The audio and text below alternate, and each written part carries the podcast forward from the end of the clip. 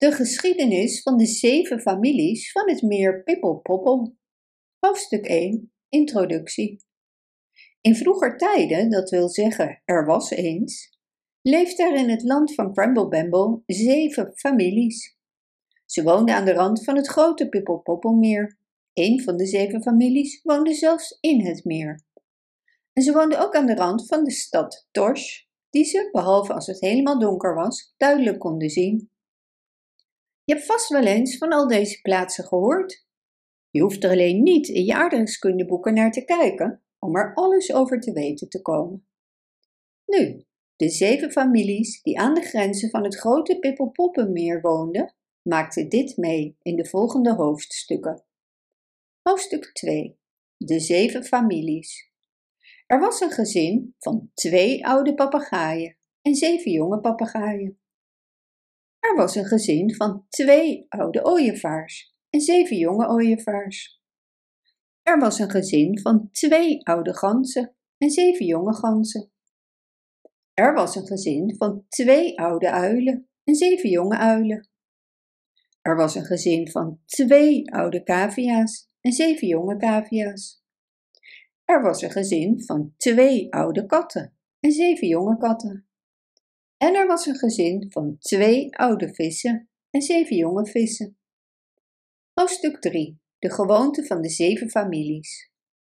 De papegaaien leefden op de Soskipovski-bomen, die prachtig waren om te zien en bedekt waren met blauwe bladeren. Ze voedden zich met fruit, artisjokken en gestreepte kevers. De ooievaars liepen het Pippelpoppelmeer in en uit en aten kikkers als ontbijt en beboterde toast bij de thee.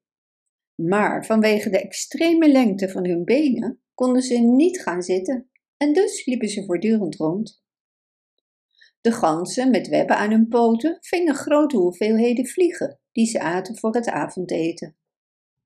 De uilen zorgden angstvallig voor muizen die ze vingen en tot pudding maakten. De cavia's waggelden door de tuinen en aten sla en kaas. De katten zaten nog steeds in de zon en voedden zich met biscuitgebak. De vissen leefden in het meer en voedden zich voornamelijk met gekookte alikruiken. En al deze zeven families leefden gelukkig samen en hadden de grootste lol. Hoofdstuk 4 De kinderen van de zeven gezinnen worden weggezonden.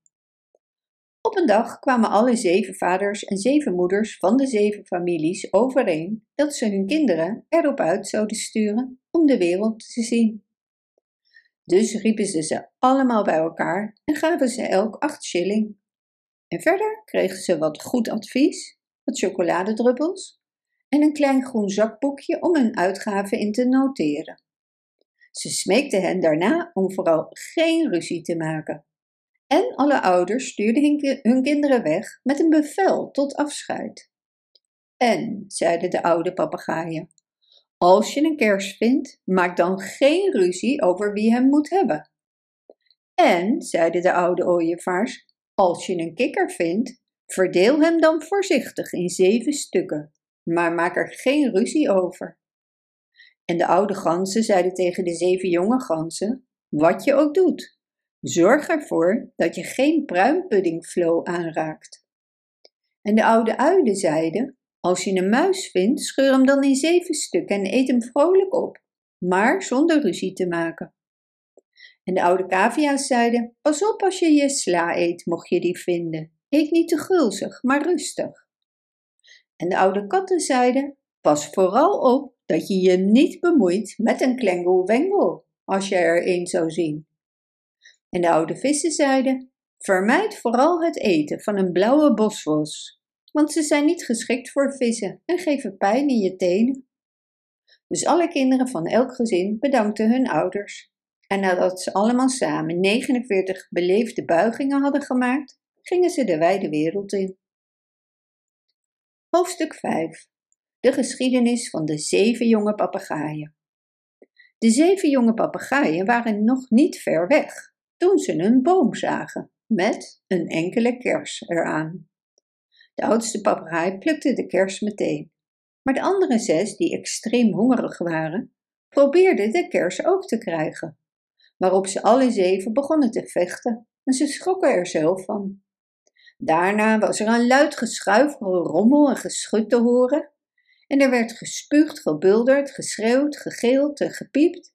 En toen was er gesnauw en geklauw en er werd gebeten en gestoten. Ze bonsten tegen elkaar op, gooiden elkaar weg, duwden elkaar en uiteindelijk waren ze allemaal in kleine stukjes gescheurd. En er was niets meer over om over dit pijnlijke gevecht te vertellen, behalve de kers en zeven kleine groene veertjes.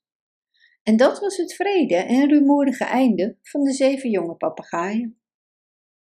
Hoofdstuk 6 De geschiedenis van de zeven jonge ooievaars. Toen de zeven jonge ooievaars vertrokken, liepen of vlogen ze eerst veertien weken in een rechte lijn, en toen nog zes weken in een kromme lijn. En daarna renden ze zo hard als ze konden 108 mijl. En daarna stonden ze stil en maakten een gesnabbel, gebabbel, gekletter, gebletter geluid met hun snavels. Ongeveer tegelijkertijd zagen ze een grote kikker, groen gevlekt en met een hemelsblauwe streep onder elk oor. Omdat ze honger hadden, vlogen ze onmiddellijk op hem af en wilden hem in zeven stukken verdelen. Maar ze begonnen ruzie te krijgen over welke van zijn benen het eerst verwijderd moest worden. De een zei dit en de ander zei dat, en terwijl ze allemaal ruzie maakten, sprong de kikker weg. En toen ze zagen dat hij weg was, begon het gesnabbel, gebabbel, gekletter, gekwetter met hun snavels. En het bletter, pletter, kletter, fletter, gekwetter werd weldadiger dan ooit. En nadat ze een week hadden gevochten, pikten ze elkaar in kleine stukjes, zodat er uiteindelijk niets meer van hen over was, behalve hun snavels. En dat was het einde van de zeven jonge ooievaars. Hoofdstuk 7 De geschiedenis van de zeven jonge ganzen. Toen de zeven jonge ganzen begonnen te reizen, gingen ze over een grote vlakte waarop maar één magere boom stond. Dus vier van hen gingen naar de top en keken om zich heen. De andere drie waggelden op en neer en herhaalden hun lessen poëzie en hun laatste zes lessen rekenen, aardrijkskunde en koken. Weldra zagen ze, heel ver weg, een voorwerp met de meest interessante en zwaarlijvige verschijning ooit. Het had een volmaakt rond lichaam dat precies leek op een gekookte pruimpudding, met twee kleine vleugels en een snavel. Er groeiden drie veren uit zijn hoofd en het had slechts één been.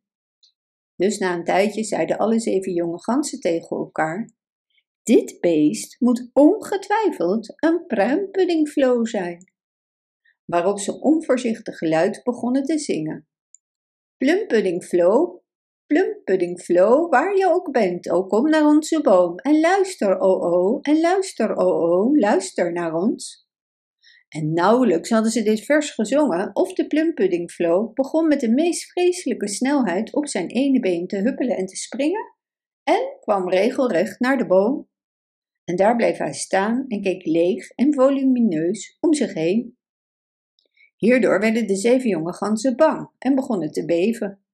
Dus stak een van hen zijn lange nek uit en raakte hem aan met het puntje van zijn snavel.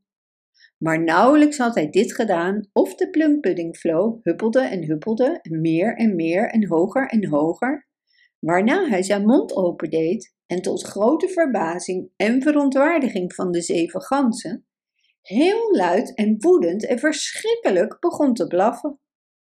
Ze konden het geluid totaal niet verdragen en geleidelijk aan vielen ze allemaal plotseling dood neer. En dat was het verhaal van de zeven jonge ganzen. Hoofdstuk 8 De geschiedenis van de zeven jonge uilen. Toen de zeven jonge uilen vertrokken, zaten ze zo nu en dan op de takken van oude bomen, maar gingen nooit ver in één keer.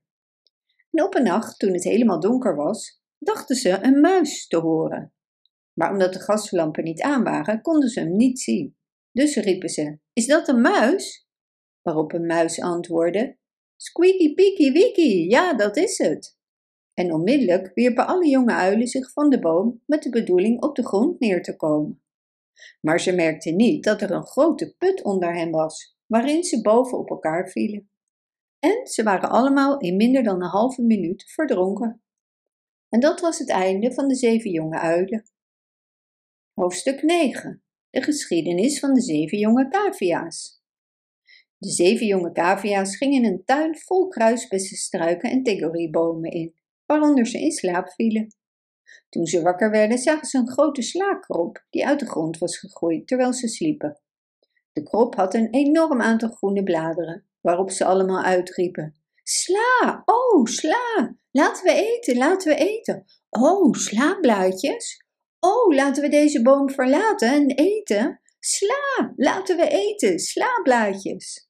En onmiddellijk stormden de zeven jonge cavia's met zo'n extreme kracht tegen de slaapplant aan en sloegen hun kop zo levendig tegen de stengel dat ze er een hersenschudding van kregen.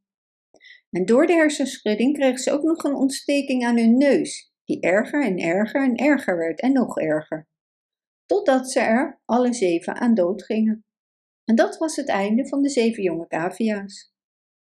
Hoofdstuk 10 De geschiedenis van de zeven jonge katten.